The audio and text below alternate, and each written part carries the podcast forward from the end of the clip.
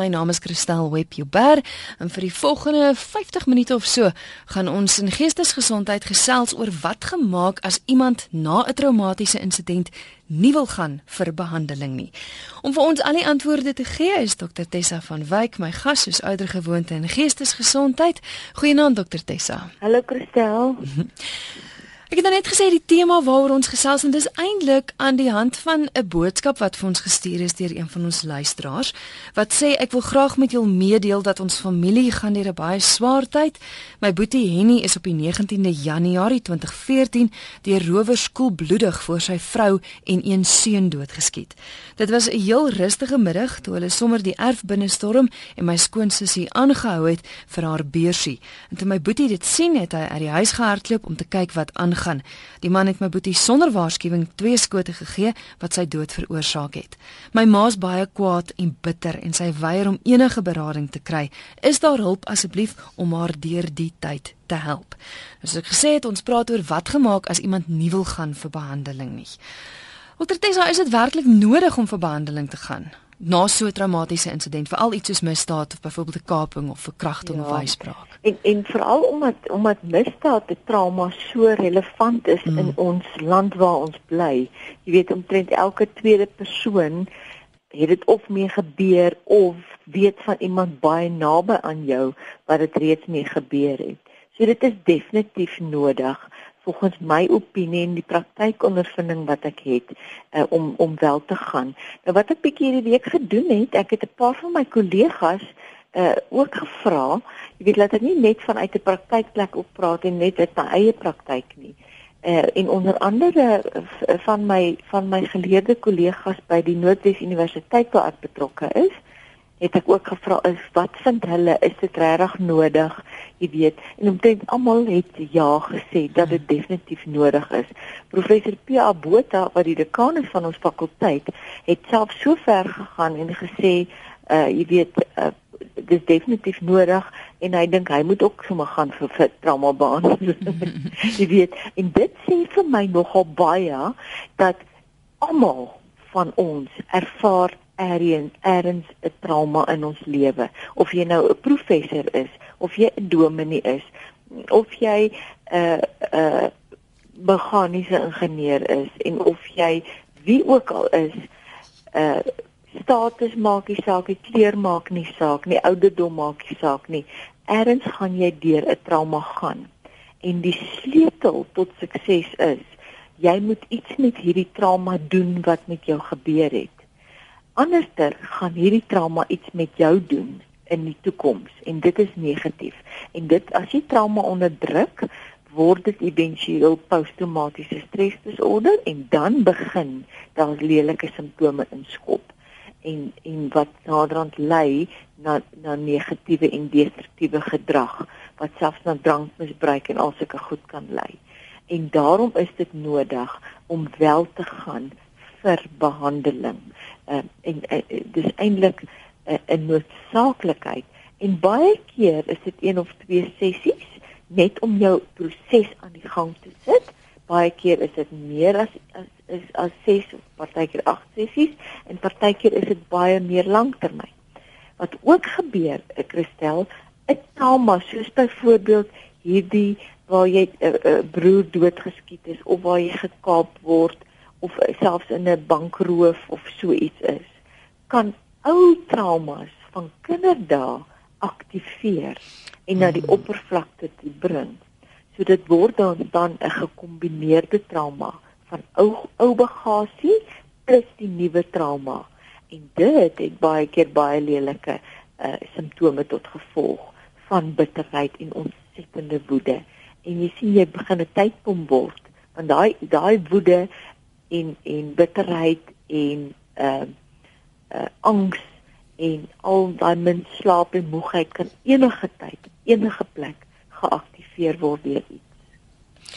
Maar mens kry nou mense wat reken Hulle is punt nommer 1 nie vreeslike praters nie. Hulle hou nie daarvan om te wys dat hulle enigsins emosie kan ervaar nie. Ek het 'n paar van hulle in my familie, so ek weet van hulle. Hoe gemaak met sulke mense wat daai daai sterk mense is en sê maar ek het nie nodig om te praat hieroor nie, ek sal op my eie daardeur kom. Hoe ja. hanteer mense hulle? Jy sien en dit en dit is so elke persoon hanteer trauma anders mm. en dis hoekom ek as 'n trauma uh, teoloog moet elke persoon wat voor my sit se persoonlikheid in ag neem. Nie almal is ewe verbaal sterk nie en nie almal praat ook maklik oor jou emosies nie. En baie keer moet ek so 'n persoon eers begelei in terapie en te sê hoe praat 'n mens oor jou emosies en dit is interessant die wat so so so sê vir al die manne wat sê ooh nee dit is my moeilik om te praat oor oor, oor my emosies. Vra net vir hulle hoe voel hulle oor die uh, blou bulle wat verloor het op lofte saterdag?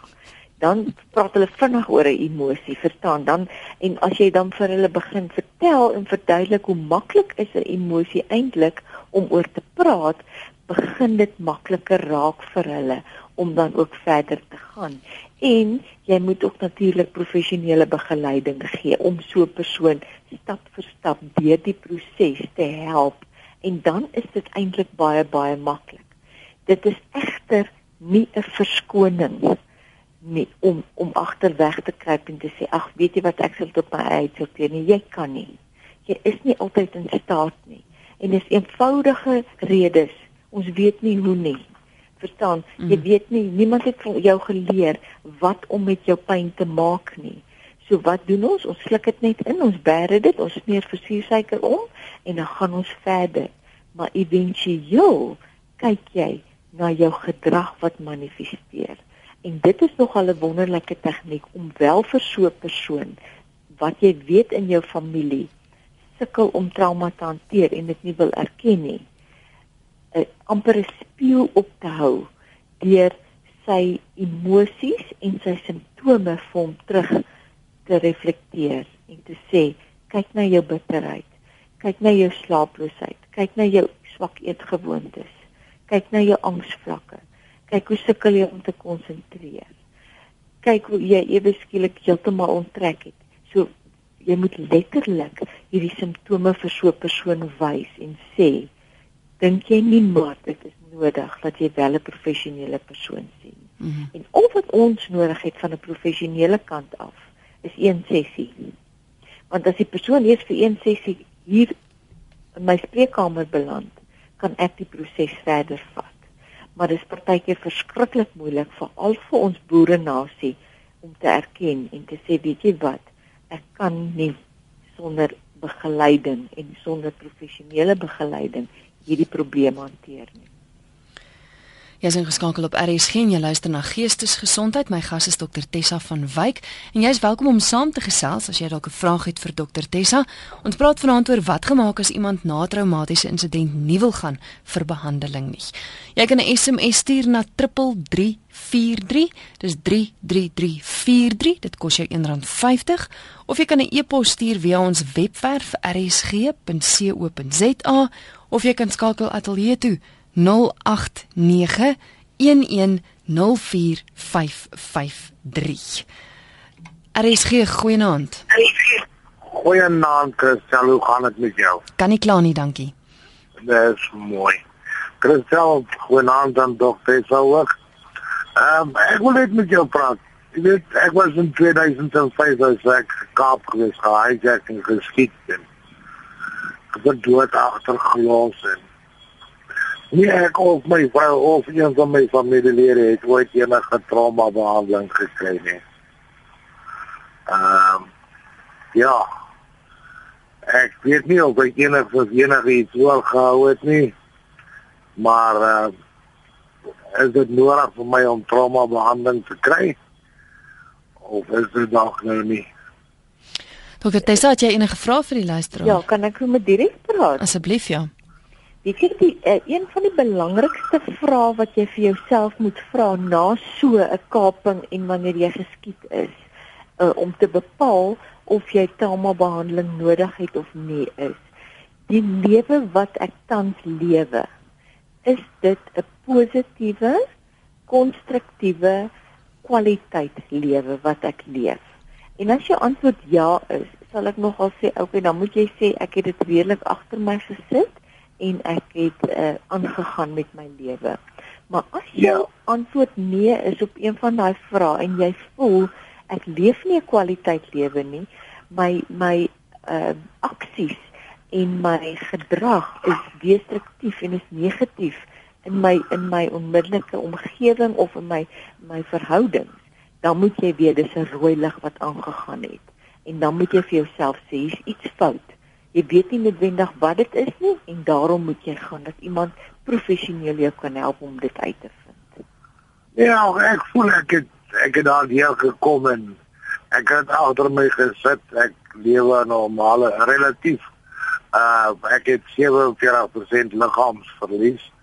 Maar uh ja, ek ek ek dink ek het daar deur gewerk en maar my vrou is net baie ek weet nie of dit nou nog steeds as gevolg van die skietery was of wat nie, maar sy is verskriklik aggressief. Uh sy is vreeslik senuweeagtig Ja. Ja, so jy, ek dink nogal jou vrou het behandeling nodig want dit is tipiese simptome van trauma wat nie verwerk is nie. So jy kan jy kan dalk jou vrou stuur dat sy net iemand daar help om deur daardie trauma te werk. Ja, ek sien uh, finansies is eintlik 'n ander probleem weer. Uh, wat kos so affaire? Ja, dit is ongelukkig meeste meeste mediese fondse betaal vir trauma behandeling, maar dit is ongelukkig eh, 'n uh, duur storie. Die beste wat ek vir mense kan sê, Christel wat wel sukkel met uh, finansies, mm -hmm. wat nie 'n professionele sielkundige of traumatoloog kan bekostig nie, is om wel na jou lokale kerk of hospitaal of na 'n mediese dokter toe te gaan en te vra of hulle bewus is van trauma beraders binne in die dorp. Mm. Uh, jy weet wat dit baie maklik maak. Daar's partykeer ook pastorale beraders wat dit wat dit uh, bereid is om gratis te, te doen. Ja, my pas ons pastoor was die hele tyd betrokke want hulle het my vrou gebring om my te sien terwyl ek in die hospitaal was.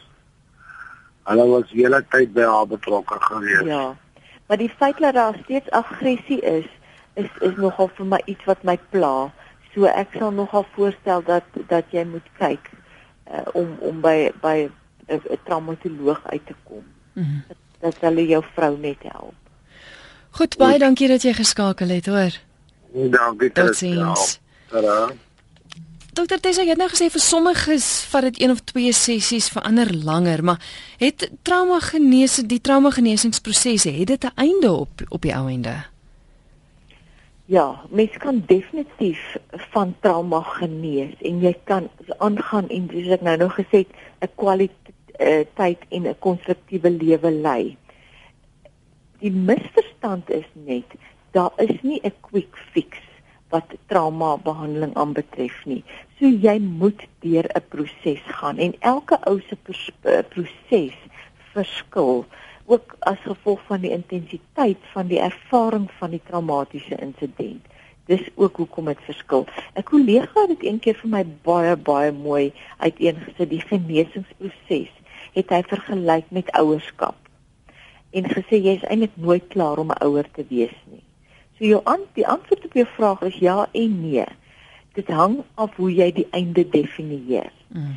Nou as jy mooi kyk na ouerskap, daar is 'n einde éventueel om doeke om te ruil. Dan is daar 'n einde om om 'n babysitter te kry. Dan is daar 'n einde om wettiglik verantwoordelik te wees vir jou kind. En dan is daar 'n einde aan jou kind wat wat die huis verlaat en nie meer in jou huis bly nie. Maar is daar ooit 'n einde aan ouerskap?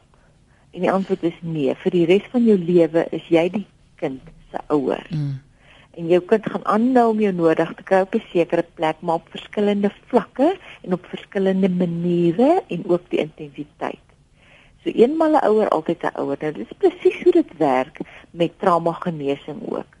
Jy stap verby die doeke fase wat gesien word as die terugflitsse wat jou die laaste 2 jaar mee uh, wat jou baie gepla het. Of jy stap nou in jou tienerjare en jy voel meer onafhanklik, meer waghaalsig, het nie meer so baie terapie nodig nie en wil ook nie meer die hele tyd praat oor die insident nie. Maar daar is dalk nog 'n bietjie woede of 'n bietjie ehm uh uh bitterheid of so iets of jy voel nog steeds dit was onregverdig wat met jou gebeur het en dan gaan jy weer deur dit en dan gaan jy aan met die volgende fase of jy voel dalk bietjie weer skuldig. En die rede vir dit is, as ek net vinnig vir die luisteraars kan verduidelik, baie keer is die skok van 'n trauma so erg op die menslike siege dat dit eintlik onmoontlik moontlik is om binne in 'n periode van net 'n maand of 2 dadelik al daai diepste diepste seer te hanteer. So jy moet dit stukkie vir stukkie vir stukkie hanteer. En partykeer moet jy dit 'n bietjie los en dan oor 2 maande gebeur daar weer iets en dan kom iets weer na die oppervlakte toe, dan hanteer jy dit weer en elke keer beteken dit net nou is jy reg om byvoorbeeld die bitterheid te hanteer. Nou is jy reg om die skuldgevoelens te hanteer. Nou is jy die jy's nou reg om die haat teenoor die verkragter te hanteer. En daarom is dit wat ek ook baie keer doen. Ek ek hanteer die onmiddellike trauma totdat die persoon op 'n plek is waar die persoon weer kan funksioneer en dan sal ek vir die vir die pasiënt sê ek maak nie die deur toe nie. So wanneer jy voel iets word weer geaktiveer, onmiddellik skakel my en maak weer 'n afspraak. Dan hanteer ons dit en so gaan ons aan en éventueel kom jy deur die proses. Hmm. Daarom is dit dit hang af van persoon tot persoon en ook die intensiteit van die trauma wat die proses makliker of vinniger of stadiger maak. Iris het 'n SMS ingestuur wat sê ek was betrokke by 'n roofdog. Ek het gegaan vir berading en ek het gevind dat dit my baie gehelp het, maar ek dink my vriendin moes meer gegaan het. Ja, berading help beslis na so iets. Maar nou is hier 'n ander luisteraar wat sê ek is verlede jaar voor my besigheid beroof en geskiet. Ek het die besigheid verkoop en ek sit nou 6 maande al by die huis. Ek is geskei en ek kan nie bekostig om vir die res van my lewe so te sit nie. Die probleem is ek is bang. Ek is bang om weer iets aan te pak hoe gemaak? Jy sien en dit is dit is wat ek van gepraat het wat ek nou nou van gesê het. Daardie bang en hmm. vrees het jou lewe verlam. So jy kan nie 'n kwaliteit lewe lei nie. En die enigste manier hoe jy oor daardie bang gaan kom is dat jy wel gaan vir professionele behandeling om jou te help om deur daardie trauma te werk en uh, by die vergifnisproses uit te kom en dan op so 'n manier jou beheer weer terug te vat in jou lewe sodat jy weer kan begin lewe. Want anderster as gevolg van daardie vrees gaan jy heeltemal geïsoleerd begin lewe. En dit kristel is wat vir my so erg is van misdaad trauma. En en uh, jy weet wat wat ek dink die misdadigers nie besef waarmee laat hulle 'n persoon agter nie. Jy weet 'n kar kan vervang word, ringe kan vervang word. Ehm uh, enige materiële goed wat gesteel word tydens 'n kaping of 'n gewapende roof. Maar weet jy daardie vrees wat jou so verlam dat jy wragtig nie uit die huis uit kan gaan nie. K uh, steel, steel jou hele lewe by jou. Angs, daai kwaad, daai bitterheid, daai haatgevoelens al daai daai simptome uh, neem jou hele lewe weg en dit is hoekom jy kan nie toelaat jy mag nie toelaat dat 'n misdadiger verder van jou steel as wat hy reeds gesteel het nie hmm. en daarom is dit belangrik om wel te gaan vir trauma behandeling sodat jy weer jou beheer en jou lewe kan terugneem en jy weer 'n uh, uh, kwaliteit lewe kan lewe anderster is daai misdadiger vir die res van jou lewe en beheer van jou lewe. Jy is geskakel op RSG, jy luister na Geestesgesondheid en vanaand se tema wat gemaak as iemand na traumatiese insident nie wil gaan vir behandeling nie. Ons gaan weer lyne toe. RSG, goeienaand. Hallo. Eh uh, goeienaand. Ag ek wil net vra vir dokter Disa vra, kan jy my hoor? Ja, is jou radio af? Ja, hy's af. Goed, jy's welkom. Ek ek ek wil net vra vir dokter Disa vra. Ehm um, ek is ek is deur 'n ongelooflike klomp traumas kan mense sê oor die afgelope uh, eh, 15 tot 20 jaar. Dit was nou so my al, my kinders is drie keer gekaap en hulle is te oorsee en uh, daar ek is geskei en ehm um, dis die ander kind uit die huis uit en my jongste kind het nog by my gebly. Hy sê die huis uit en ek het die huis verloor en ek mis my honde laat uitsit en ehm um, ek het nie eintlik 'n onderhoud ontvang nie. Nou dit klink nie soos 'n trauma nie, maar vir my is dit nou as dood. En nou onlangs het het my suster, my oudste suster wat nou eintlik my balans gewees het, ek vergelyk haar altyd met 'n 'n wipplank. Ek sê sy het my altyd so soort van opgetel as ek laag of gesak het en sy's oorlede op 'n ook 'n baie traumatiese manier in en nou kan ek myself net nie so ver kry om om weer op te kom nie. Ek my wipplank maat is nou weg. En uh, en ek voel niks. Ek kan nie my weer verbind aan 'n man nie. Ek voel nie lus vir die vir 'n verantwoordelikheid nie. Ek is ek is nie lus vir myself nie. Ek het geen kwaliteit lewe nie. Ek gaan net aan en dit irriteer my verskriklik as mense dit nie kan aanvaar dat ek so is nie. Maar ek kom agter ek was 'n ongelooflike dinamiese mens en hier sit ek met hierdie situasie dat ek ehm um, ek ek wou nie ek wil nie aangaan nie. Ek uh, uh nou nou mense sê ek moet gaan vir behandeling, maar ek voel los my net uit. Ek wil net hier wees. Ek wil net in hierdie gat sit en doodgaan nie weet. En ek weet dit dit is onnatuurlik, maar ek ek kan nie ek weet nie eens wat om eers te sê nie. Ek weet nie. Ek ehm um, ek weet nie wat om vir die berader te sê nie want uh, ehm uh, um, ek is ek is ek het 'n kwaad in my 'n uh, kwaad vir my kinders omdat hulle ver is vir my en omdat hulle my afskeep en ek het 'n kwaad vir vir vir my ex en ek het 'n kwaad met my kleinkinders daar in die verte is en ehm um, ag ek is sommer net vir die wêreld kwaad en en ek kan myself net nie daar uitkry nie Dokter Tessa, het jy enige vrae vir die luisteraar of kan sy luister by die radio? Ek kan op die radio luister. Baie dankie dat jy geskakel het, hoor. Dankie, hoor dit is dit is ongelukkig daardie isolasie en verskriklik baie mense gaan in isolasie in as gevolg van so reeks traumas wat nie gehanteer is nie en omdat dit jou heeltemal jou kwaliteit lewe lei. En sy sê dit vir my so mooi dat sy nie eers lus om met iemand te praat hieroor nie. Sy wil net sit. Sy wil nie sy wil eintlik nie aangaan nie. En en dit is 'n tipiese tipiese simptoom nou die belangrikste is jy moet gaan letterlik elke trauma afsonderlik gaan hanteer en gaan deurwerk.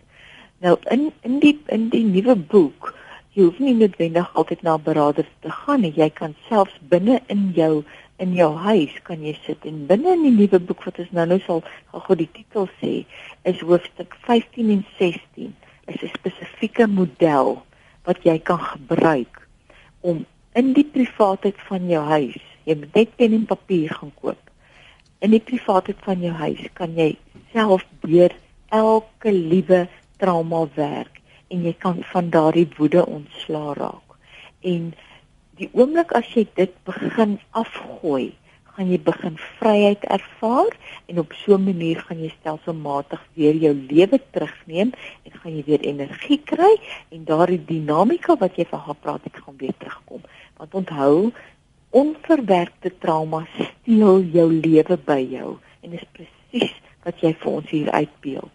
Jy leef nie 'n vol lewe nie. En dit is omdat die traumas net te veel word. Jou onderbewussyn is oorvol daar's te veel pyn waarmee jy sit. So jy gaan dis amper soos 'n asblik wat wat oorvol is. Jy gaan letterlik elke stukkie moet uitgooi en uitgooi en uitgooi en skoonmaak. En op so 'n manier gaan jy by vryheid uitkom. 'n Ander lekker tegniek wat jy kan gebruik as jy kwaad is vir iemand om letterlik te gaan sit, jou oë toe te maak en die persoon in jou geestesoog voor jou te laat staan en dan kan jy laat waai. Kliphard vir daai persoon sê wat jy van hom dink of van haar dink en sommer op die maar met die skop ook te kere gaan mhm. sodat daai emosie kan uitkom want dit is die emosie wat vassit in jou onderbewussyn wat jou verlam en wat maak dat jy nie uit, uit die huis uit wil kom en wil aangaan nie. En daarom die oomblik as jy die emosie in die lig inbring en jy dit uitspoeg, dan begin genesingsproses en dan is dit ook makliker om te gaan na die volgende stap toe wat natuurlik vergifnis is. Maar jy moet eers die emosie uitspreek en daar's 'n fantastiese beginsel wat ek baie gebruik in in my terapie is. As jy iets in die donker hou, word dit vrot en dit word groter. Die oomblik as jy iets in die lig inbring, met ander woorde, as jy skryf daaroor of jy as jy praat daaroor, dan kan dit genees. Hmm. En dit is presies wat jy nou moet doen. Jy sê SMS wat vra wat gemaak as jy iemand so ver kon kry om wel vir berading te gaan? Die persoon was so een of twee keer daar gewees, maar hy het nie gehou van wat hy gehoor het nie. In die gevalle het hulle gesê hy is emosioneel afgestomp en hy moet leer om weer emosie te kan ervaar. En toe besluit hy hy wil nie meer gaan nie. Hoe nou gemaak? Ja, dit is weet jy wat uh, Christel, dit is ongelukkig uh, waar dat daar baie mense is wat negatiewe ondervindings het wat hulle wel vir berading gaan. En dit is een van die eerste uh, uh, take as 'n beraader of as 'n traumatoloog of 'n terapeut. As jy vir iemand sê hy is emosioneel afgestomp, moet jy sê hoekom, maar jy moet ook sê hoe maak jy dit reg. Mm. So daardie begeleiding is deel van die hele terapiepakket. So jy kan nie net so stelling maak en dan nie vir die persoon toerus uh om wel dit te verder te gaan hanteer nie wat ek vir die luisteraars wil sê wat van kardinale belang is en wat meeste nie doen nie. Hulle gryp sommer die enigste ene eerste en die beste persoon wat sê hy's 'n beraader of sy's 'n beraader. Wanneer jy gediagnoseer word met kanker, Christel, gaan jy nie net sommer na enige dokter toe gaan nie. Jy gaan na 'n spesialis toe gaan. En dit is presies dieselfde met trauma wanneer jy 'n trauma ervaar en jy's emosioneel verwond, gaan doen bietjie jou huiswerk. As jy iemand se naam kry en kyk, kan hierdie persoon my werklik help sodat hierdie insidente wat jy nou net genoem het voorkom word, want dit is verskriklik moeilik as iemand wel vir berading gegaan het en dan so ervaring gehad het om so 'n persoon weer te oortuig jy weet om te gaan vir berading want hulle skop net vas en die tipiese ding gebeur nou natuurlik hulle veralgemeen mm, en sê mm. almal is so. Jy weet wat ek kan verstaan. Mens mens voel sê almal almal is sommer nou slegte terapeute ook. Jy weet dis hoekom voordat jy gaan vir berading doen of vir terapie doen jou huiswerk. Jy mag vra wat is jou kwalifikasies? Jy mag vra wat se trauma opleiding het jy jy weet jy, jy mag dit nie net vra nie, jy moet dit vra sodat jy weet ek, ek betaal nie net vir niks nie en ek kry die beste behandeling sodat ek vry kan kom van hierdie trauma. Maar kan dit gebeur dat iemand dalk wel by 'n goeie beraader uitkom en dat die persoon nie sy samewerking wil gee nie? Ja. Dit is presies daai ding wat mm. wat wat jy nou nog van gesê wil nie hoor wat wat mm. wil hoor nie en dan natuurlik een van die die nagmerries van enige terapeut as die persoon nie gaan doen wat jy vir hom sê hy moet doen nie. Mm, mm. En dan kom hy terug en sê ag hierdie goed werk nie. Maar hy het niks gaan doen nie, want onthou, jy's eintlik jou eie beste terapeut. Al wat ons as as as as trauma terapeute doen, ons begelei jou in die regte rigting en ons rus jou toe om dit by die huis self te gaan toepas. En dit is deel van die genesingsproses jy moet by die huis hierdie oefeninge wat ons vir jou gee gaan doen. En as jy dit nie doen nie, kan jy nie die beraader of die terapeut beskuldig nie. Maar dit kom terug by by ons vraag. Hoe hoe maak jy? Hoe maak jy as jy 'n geliefde het wat nie wil gaan vir trauma berading nie? Ek meen jy kan tog nie 'n persoon dwing om te gaan nie.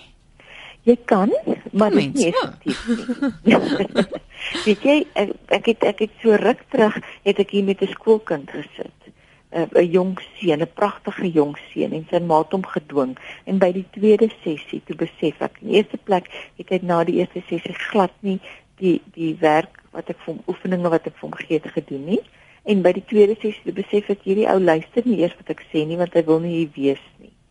En so dit het, dit dit werk glad nie jy weet. So jy kan dit probeer en baie vrouens doen dit met hulle mans dat hulle net sê ek stel 'n ultimatum en ek dwing jou uh, en dan dan kan jy dit so doen.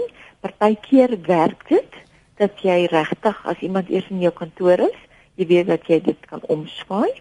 Jy kan smeek en sê asseblief gaan doen dit. Dis ook nie regtig effektief nie, want die persoon kan net sê nee of sê ja, okay, kom ek doen dit maar terwille. Jy kan die persoon natuurlik omkoop ook.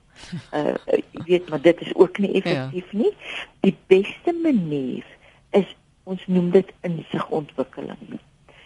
As jy vir op 'n manier vir 'n persoon leesstof kan gee of 'n voorbeeld kan gee of soos wat ek nou nog gesê het 'n spieël kan wees mm. deur vir daai persoon te sê weet jy dit is presies waardeur jy gaan of sê ek het nou die dag hierdie praatjie gehoor of ek het hierdie artikel gelees of ek het hierdie boek gelees lees bietjie wat jy sien sien of jy jouself kan herken daarin die oomblik as iemand insig ontwikkel in sy verwonding na 'n traumatiese ervaring is dit baie maklik om so 'n persoon te oortuig want dan besef daai persoon dis maar soos 'n alkolikus mm. Die oomblik as daai persoon by amper by 'n uh, rock bottom kom. 'n rock bottom is eintlik niks anders as 'n keerpunt of 'n draaipunt in jou lewe waar jy besef o jene ek kan nie op my eie meer aangaan nie. Ek het hulp nodig. En wanneer jy daai insig ontwikkel, is dit maklik om so 'n persoon te oortuig om dan te sê, weet jy, jy het eintlik professionele hulp nodig om die pad vorentoe vir jou vir jou beter te maak en jou vry te maak. Mm. En daai insigontwikkeling is waarop jy moet fokus as familielid of as vriend. En en nou moet mens ook 'n lyn trek. Jy weet, moenie nek nie want dan gaan jy daai persoon irriteer en dan slaan 'n persoon gewoonlik toe veral as jy iemand kry wat ons nou nog gehad het 'n introwert mm. wat voel nee wat ek wil nie praat oor my emosies nie ek kan dit self hanteer maar op 'n mooi manier en en die beste werk gewoonlik wanneer jy 'n lekker artikel kry of uh selfs op internet kan jy wonderlike goed kry of simptome vir so 'n persoon uitwys dan ontwikkel hy daar insig en hy besef dis amper asof jy die liggie aanskakel. Mm, mm. En dan gaan daai persoon uit sy eie uit sê ja, maar weet jy wat? Ek kan nie langer saam met hierdie boede leef. En natuurlik as jy baie naby aan iemand leef, sê nou maar dis jou man of jou vrou of jou kinders, kan jy vir jou man byvoorbeeld sê, weet jy, ek is aan die ontvangkant van jou woede teenoor die man wat jou gekaap het. So ek kry al die houe wat daardie kaper moet moes gekry het emosioneel. En dis nie meer vir my aanvaarbaar nie. En daarom verwag ek van jou om te gaan vir behandeling want ek kan nie meer die slaansak mm, wees nie. Mm, dit dan direk vir so 'n persoon uitspreek mm. want dit is gewoonlik die resultaat van iemand wat sê nou maar byvoorbeeld in 'n gewapende roof of gekaap was. Is die persoon die naaste aan jou wat saam met jou dag tot dag lewe word die slaansak. Want eintlik daai daai boede wat jy teenoor die die misdadiger het haal jy nou op jou vrou uit Vinnig gou voor ons oor die boek praat, hier's 'n luisteraar wat sê hoe gemaak as jy self 'n professionele persoon is met diepliggende trauma. Ek is 'n mediese dokter, ek is veronderstel om sterk te wees en ander met hul trauma by te staan. Ek mag nie swak wees nie. Dis taboe in die mediese kringe. Ek is selfdestruktief want ek is swak terwyl my kollegas als kan hanteer. Ek voel soos 'n totale mislukking. Ek weet nie meer watter kant toe nie. Ek is depressief, maar voel ek moet self hierdeur vroeg. Dankie vir die program. Ek is baie bly jy vra daai vraag en die eerste leen wat jy dadelik moet kanselleer is jou kollegas wat met alles kan cope en alles kan beheer. Daar bestaan nie so iets nie. Geen professionele persoon is sonder trauma nie en geen professionele persoon kan vir altyd net cope en sterk wees nie. Jy is juis sterk as jy gaan vir behandeling wanneer jy so voel. En onthou, jy kan dit professioneel doen, doen jou huiswerk en gaan na iemand wat baie vertroulik is. En dis hoekom ek nou nou gesê het professor P. Abota wat in 'n grapvorm gesê het, maar dit is eintlik so belangrik want ons as professionele persone het ook partyke terapie nodig. En ek self het 'n kollega wat ek ontsettend vertrou wat ek gereeld na toe gaan as ek weer 'n situasie gaan, hulle het al by my huis ook ingebreek, dan gaan ek na daai persoon toe en ek betaal my geld en ek sê vir die volgende 2 ure luister jy net na my. En jy kan nie glo wat se wondere verrig dit aan jou as persoon nie. Dit dit maak jou weer sterker sodat jy weer ander pasiënte kan help. Daar's niks meer ver, verkeerd omdat jy self in 'n hulpverlenende professie is en professioneel is om te erken en te sê weet jy ek het ook hulp nodig nie. Inteendeel dink ek maak dit jou juis 'n professionele persoon. Mm. Dokter Tessa, het nou gesê spesifiek hoofstuk 15 en 16 in die boek kan luisteraars help die wat dalk nie iemand in die omgewing het wat hulle kan help met met die trauma berading nie. Vinnig net gou die boek se naam en waar hy waar hy beskikbaar is. Die boek se naam is Trauma: Riglyne vir slagoffers en dit is in samewerking met RSG en deur Naledi Uitgewers uitgegee en dis omtrent by meeste boek, boekwinkels op die rak. Anders kan jy net vir die die die boekwinkel vra om dit vir jou te bestel en dis ook by kalahari.com beskikbaar op internet. Baie dankie vir die gesels en 'n heerlike week verder tot volgende week dan. Dankie dieselfde daar. Mm. Bye bye. Dis dokter Tessa van Wyk, sy is traumatoloog. Ons het vanaand gesels oor wat gemaak as iemand na 'n traumatiese insident nie wil gaan vir behandeling nie. Die program is beskikbaar as potgooi op ons webwerf as jy dalk weer daarna wil luister.